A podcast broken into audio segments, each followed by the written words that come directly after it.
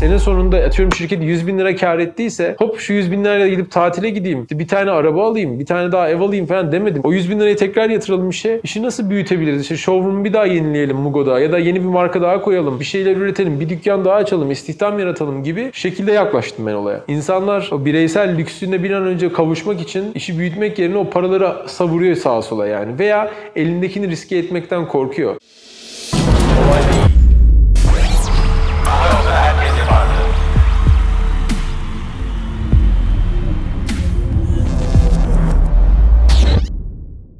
Herkese merhaba. Kolay Değil'e hoş geldiniz. Ben karşınızda Mustafa Namoğlu. Soy ismimi de söyleyeyim. Bazı arkadaşlar şey yazıyor çünkü. Abi işte seni severek takip ediyoruz ama sen kimsin? Seni bilemiyoruz, bulamıyoruz gibi. Ben çok beni bulmanızı istemiyorum açık söyleyeyim. Kanal, yani Kolay Değil kanalının ön plana çıkması, vermek istediklerimizi versek daha iyi. Yani o tarafta bireysel olarak ön plana çıkmak pek istediğim bir şey değil. Bunu canı gönülden samimiyetle söylüyorum. Ee, hep söylediğim bir konu daha var. Hani e, bir başarı varsa o bir ekibimizin tamamen tüm şirketin, takımın başarısı. Hani bir başarısızlık varsa sorumlu benim. O zaman ön plana çıkabilirim. Ee, ama hani güzel bir şey için, bir başarı için bizi takip ediyorsanız aslında bizim ekibimizi yaptığımız işleri, projeleri takip ederseniz çok sevinirim. Ee, ama her zaman bana hani ulaşmak isteyen, isteyenler için çok kolay. Yani şöyle şeyler oluyor arkadaşlar. Ben biraz sizlerin bu kanalı izleyip cesaretlenmesini biraz da artık elinizi şu taşın altına koymayı ve böyle biraz araştırmayı öğrenmenizi istiyorum. Bize mail adresiyle ilgili sorun geliyor. Yani mail adresinizde, mail adresinizde. Ya bir YouTube kanalımıza girip orada hakkımızda kısmına gelseniz orada e-posta adresimi göster ve diye bir bölüm var. Basınca size zaten e-posta adresimizi gösteriyor YouTube. E, bunu bile yapmıyorsunuz. Ondan sonra işte DM atıyorsunuz. Instagram'dan, oradan, buradan. E-posta adresinizi alabilir miyim? Bir şey soracağım. Ya sorun tabii cevaplıyoruz. Bir de bir şey daha söyleyeyim. Unutmadan e, arkadaşlar muhakkak her e-maile dönüyoruz. Şahsen ben dönüyorum. E, kimisi 3 gün, kimisi 10 gün sürüyor. Kimi arkadaşlarla Zoom yapıyoruz hafta sonları. Cumartesileri genelde birkaç kişiyle Zoom yapmaya çalışıyorum en az. E, bir saate yakın. Onun sonrasında mail geliyor ona da cevap atıyorum. Atmıyorsam şey zannetmeyin işte ya adamın da çok vaktini aldık görüştük daha bizi sallamaz diye. Muhakkak döneceğim ama hani biraz beklemeniz gerekebiliyor. Bazen bunu kasten yapıyorum. Hani karşı tarafı görmek için sabrını. Diyeceksiniz ki sen kimsin bizi sınıyorsun. Ee, ben hani her zaman insanları sınarım. İnsanlar beni sınandığında da o sınavı geçmeye çalışırım. Yoksa gerçek ilişkiler, e, doğru bağlar kurulmuyor. Lay lay ilişkiler oluyor.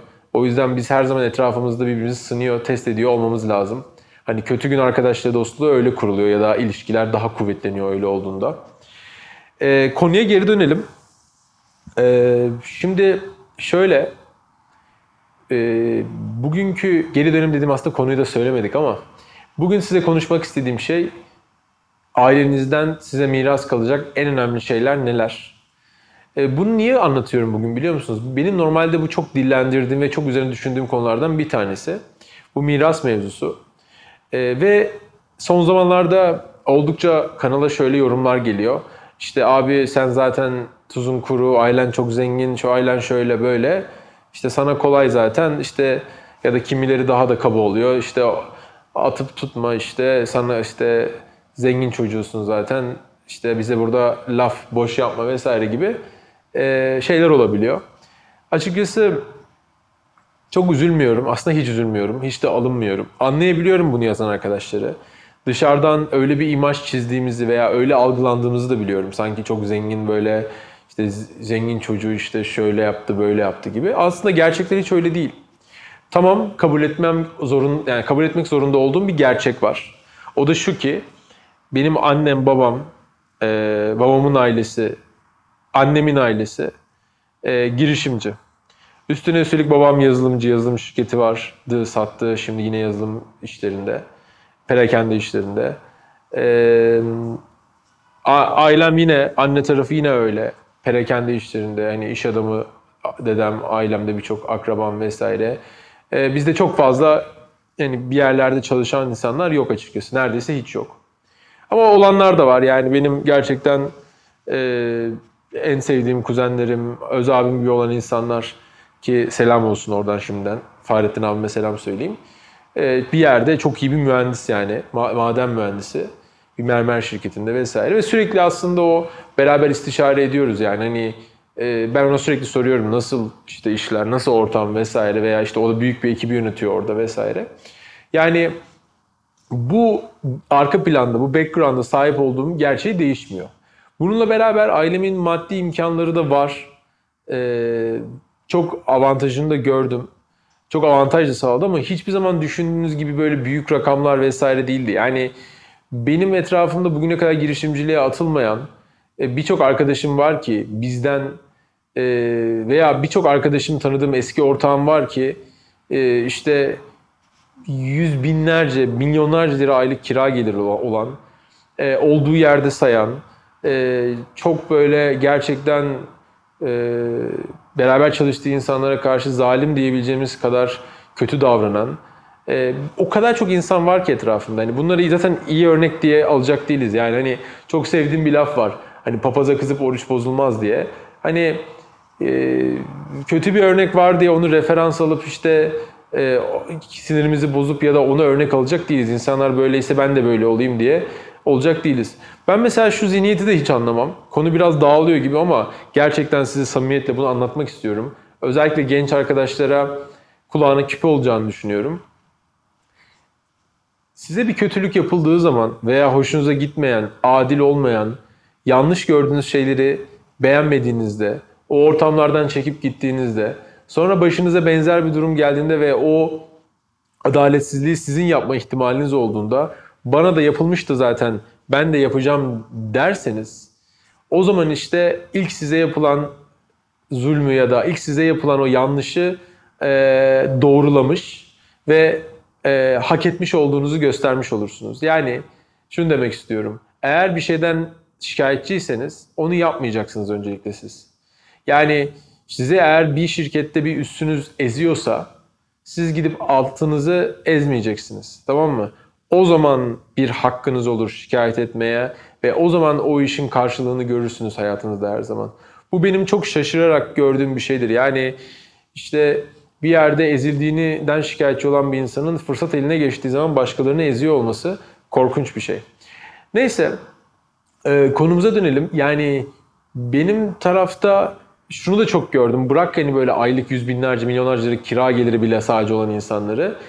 Ben hani birçok insanın girişimciliğe başlamak istediğini ama işte e, aylık kira aldığı o ekstra 500 bin liralık dairesini satmaya gelince yok abi ben satmayayım dursun garanti dediğini ve ondan sonra işte bana mesela ya sen tabii zenginsin ya da çok imkanın var da bu işleri yapıyorsun yaptın diye imrendiğini gördüm.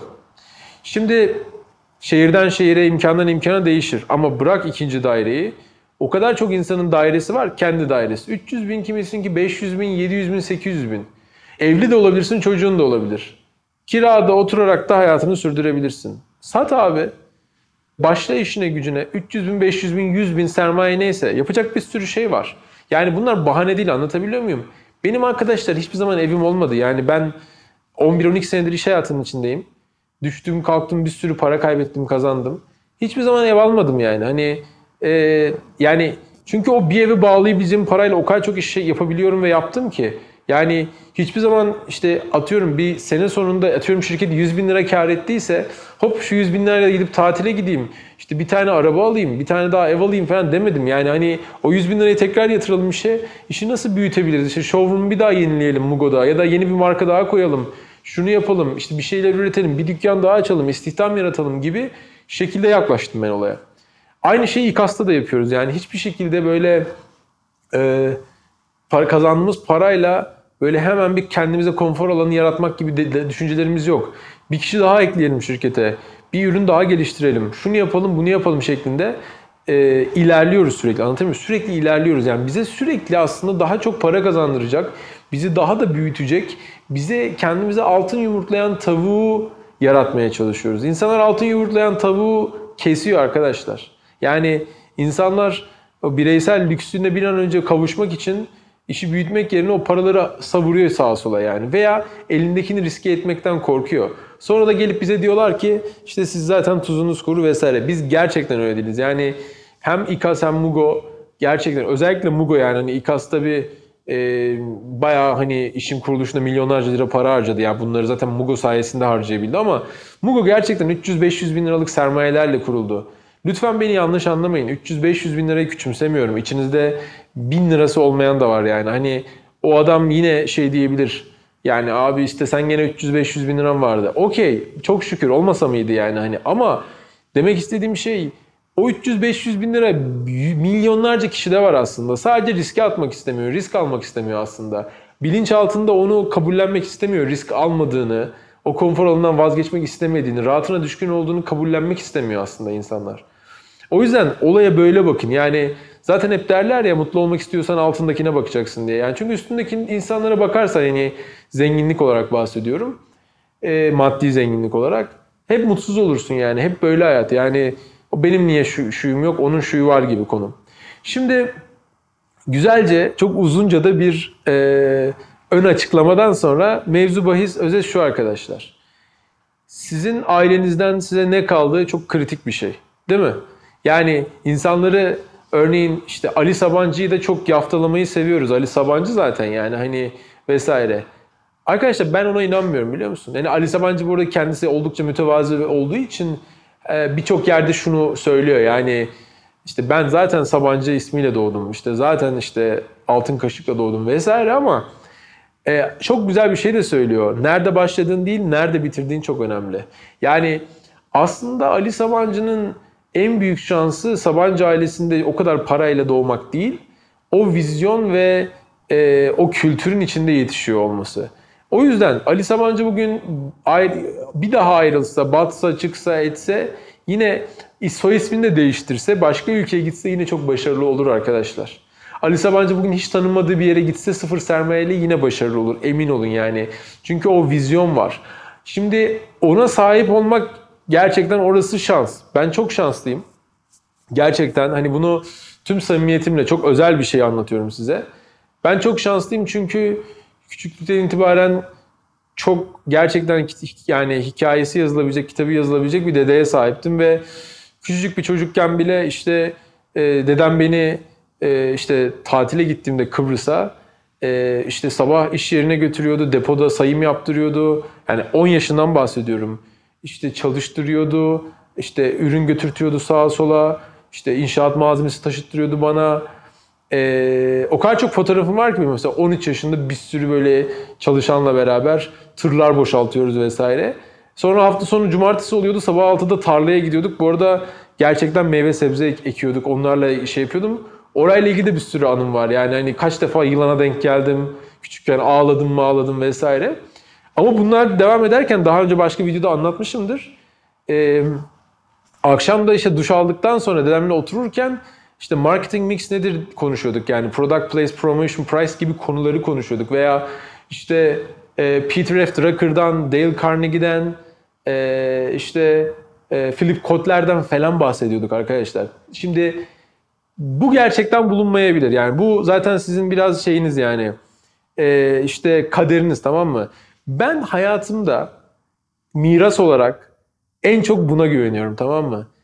O sabah 6'da işe gidebilme, tüm gün çalışma, sonra tarlaya gidebilme üzerine, sonra e, akşam bunları konuşup kitap okuyabilme kültürünü alabildiğim, bunu gördüğüm için ben çok şanslıyım. Tamam Bana bu miras kaldığı için benim paraya ihtiyacım yok artık hayatımın sonuna kadar. Yani e, büyük konuşmayayım. Allah daha iyi bilir ama yani gerçek anlamda e, hiçbir şey olmasa ben kendimde o gücü hissediyorum yani 10 defa sıfırdan başlasam yine bir şeyler yaparım yani hani çünkü benim hayatımın yani düzeni o yani sıkı çalışmak erkenden işe başlamak vesaire vesaire anlatabiliyor muyum? E, bunu ya, lütfen şey anlamayın ya böyle büyük konuşma ya da ego ya da kendine gereksiz aşırı güven olarak algılamayın yani bu yıllar içinde bununla harmanlandığınız zaman sizin için nefes almak kadar doğal olan bir şeyden bahsediyorum aslında. Peki sizin böyle bir şansınız yoksa siz ne yapacaksınız? Abi işte bunu yapacaksınız yani. Böyle bizim gibi kanalları yanlış anlamayın ya bizden 100 kat daha iyi bir sürü kanal var. Bu tür şeyleri dinlemekten, öğrenmekten eee, doymayacaksınız anladın mı? Kana kana içeceksiniz bu sudan yani. Gece gündüz izleyeceksiniz. Yani ben sizi dürtmeyeceğim günde 5 saat YouTube'da bir kendini geliştirdin mi şunu okudun mu diye. Bu sizin için hayatın doğal bir akışı olacak. Ve hep yine dedemin söylediği söz yani akıllı insan başkalarının hatalarından, tecrübelerinden ders alandır. Yani bu tür insanları, otobiyografileri, insanların hikayelerini dinleye dinleye, izleye izleye, öğrene öğrene kendinizi geliştireceksiniz. Hiç durmadan. Özellikle genç arkadaşlar, vakti olan arkadaşlar için bunu söylüyorum. Yani üniversitede okuyan arkadaşlar için söylüyorum. Eğer bunu yaparsanız gerçekten ailenizden size kalacak bir tane daireyi 300-500 bini veya milyonları beklemenize gerek yok. Yani hani hayatta bir şey yapmak için çok özür dilerim ama ana babanızın ölmesini beklemenize gerek kalmayacak. Yani bu sizi zaten ön plana çıkaracak. Sonra zaten siz bu çabayı gösterince emin olun etrafınızda en azından ufak da olsa bir kaynak varsa insanlar size bunu emanet etmek için cesaretlenecek. Ama nasıl yetki verilmez alınırsa sizin de bunun peşinden koşuyor ve kendinizi kanıtlıyor olmanız lazım. Benim onlarca kuzenim var. Hani e, bir projeyi, planı aileye anlatmak veya bir kaynak istediğiniz, istemek istediğin için gittiğinde ya işte vermezler, vermiyorlar ya da şöyle dinlemiyorlar, anlamıyorlar denebiliyor tamam mı? Arkadaşlar ben hiçbir zaman bu sorunu yaşamadım. Çünkü karşımdaki hep bana saygı duydu. Benim nasıl disiplinli, çalışkan olduğumu bildi. Eğer sen e, 20 yaşında e, en lüks arabayla her gün akşam bir işte bir böyle pub'daysan, bir club'daysan ya da bir yerlerde lüks bir yemek yiyorsan kızlarla, onunla bununla eğlencedeysen e, lütfen hani saygı duyulmasını bekleme kendine. Hiçbir şey yapmadın ki hayatında. Niye sana saygı duysun? Ailen veya etrafındakiler sana işte para versin veya sana yetki versin, sana güvensin. Sonra ağlama yani hani anlatabiliyor muyum? Şöyle oldu, böyle oldu diye. Bunu bu arada ben hani e, hem kendime hem kendi aileme hem de diğer tüm ailelere, tüm insanlara söylüyorum. İnanın bana çok ilginç gelecek size ama zengin olmak dezavantajlı bir şey birkaç açıdan dezavantajlı bir şey. Yani e, hem sizde bir rehavet alanı yaratıyor. Yani bakarsanız dünyadaki çoğu çok başarılı insan çok fakirlikten veya hiç imkansızlıklardan gelmiştir. E, mirasın sürekli aktarıldığı zengin aileleri ayrı tutuyorum ama bir size rehavet ve konfor alanı yaratıyor. İster istemez odağınız değişiyor. Yani bir şey başarmak zorunda hissetmiyorsunuz kendinizi. Daha çok işte marka kıyafetler, arabalar ve tatiller ve gereksiz harcamalara kendinizi odaklıyorsunuz. Ee, iki size şöyle bir dezavantaj yaratıyor. Bu da çok ilginçtir. Yani başarılı olma ihtimaliniz doğduğunda e, ya zaten ailesi zengin ediyorlar anlatabiliyor muyum? Ama sıfırdan gelen için öyle bir şey yok. Sıfırdan gelen başarılı olduğunda inanılmaz bir PR etkisi de yaratıyor veya hakikaten herkes tarafından takdir ediliyor. Ee, inanın o yüzden çoğu zaman böyle zengin olmak, özellikle çok zengin olmak çok çok dezavantajlı bir şey. İnanın bunu avantaja çevirebilmek sizin elinizde ve tabii ki şey daha güzel bir şey. Yani imkan olup bir şeylere başlayabilmek daha güzel bir şey ama imkansızlıklarda da eğer bu dediğimi anlayabilirseniz yani gerçek mirasın aileden bırakabilecek şeyin sizde olmasa bile bunu siz etrafınızdan hele ki şu iletişim çağında toplayabilirseniz ve e, bir yerlere gelirseniz lütfen şunu unutmayın arkadaşlar. Siz de ileride evlatlarınıza paradan daha değerli bırakabileceğiniz şey vizyon, disiplin ve bu hayat kültürü anlatabiliyor muyum? Bunu bırakırsanız çocuğun paraya pula ihtiyacı yok. Bunu bırakmazsanız ne kadar çok para bırakırsanız bırakın onun her zaman paraya, pula, başkalarına ihtiyacı olacak ve siz ne kadar ne yaparsanız yapın oradan bir şey çıkartamayacaksınız. O yüzden e, ben hep aynı şeyi söylüyorum yıllardır. Hani bana bir işte para pul ya da bir miras kalacaksa zaten bana çoktan kaldı. Ben atalarımın, anamın, babamın ölmesini, göçüp gitmesini beklememe gerek yok. Ben alacağımı çoktan aldım zaten ailemden. Gerçekten söylüyorum. Bu saatten sonra para pul olmasa da olur. İşte bunu sağlarsanız çoluğunuza, çocuğunuza, torunlarınıza çok rahat kafanız rahat bir şekilde hayatınızı yaşarsınız. Hep gurur duyacağınız aile, çocuklarınız, torunlarınız olur. Bu çok önemli bir şey. Bu arada ya şeye gelmiyorum. Daha bir sürü detaylar var hayatımda. Yani e, çok kısa ondan da bahsedeyim. Uzun da video oldu ama hani belki birilerine ilham olur diye. Arkadaşlar ben 10 yaşında, 12 yaşında daha da küçükken bu arada 7-8 yaşında gece 2'lere 3'lere kadar matematik çalıştırıyordu babam beni yani. Ve böyle gerçekten bağıra çağıra yani hani korku içinde yani ve ne yapın ya şöyle şeyler vardı arkadaşlar. Doğru bildiğim soruda bile emin olmadığımda ben şey yapıyordum yani azar yiyordum yani. Yani bana diyordu ki işte atıyorum e, 12 kere 13 diyordu mesela cevap veriyordum ve şey e, cevap doğru olmasına rağmen emin misin diye sorusunda aa yok ya değil miydi dediğim an bile bir sık- sıkıntı oluyordu benim için. Ve şeydi yani hani cevap bilememe gibi şansım yoktu. Hani böyle şeyler tamam bazen korkutucu veya böyle şey geliyor kulağa ama o kadar iyi babam iyi ki öyle şeyler yapmış anlatabiliyor muyum? O kadar faydasını gördüm ki.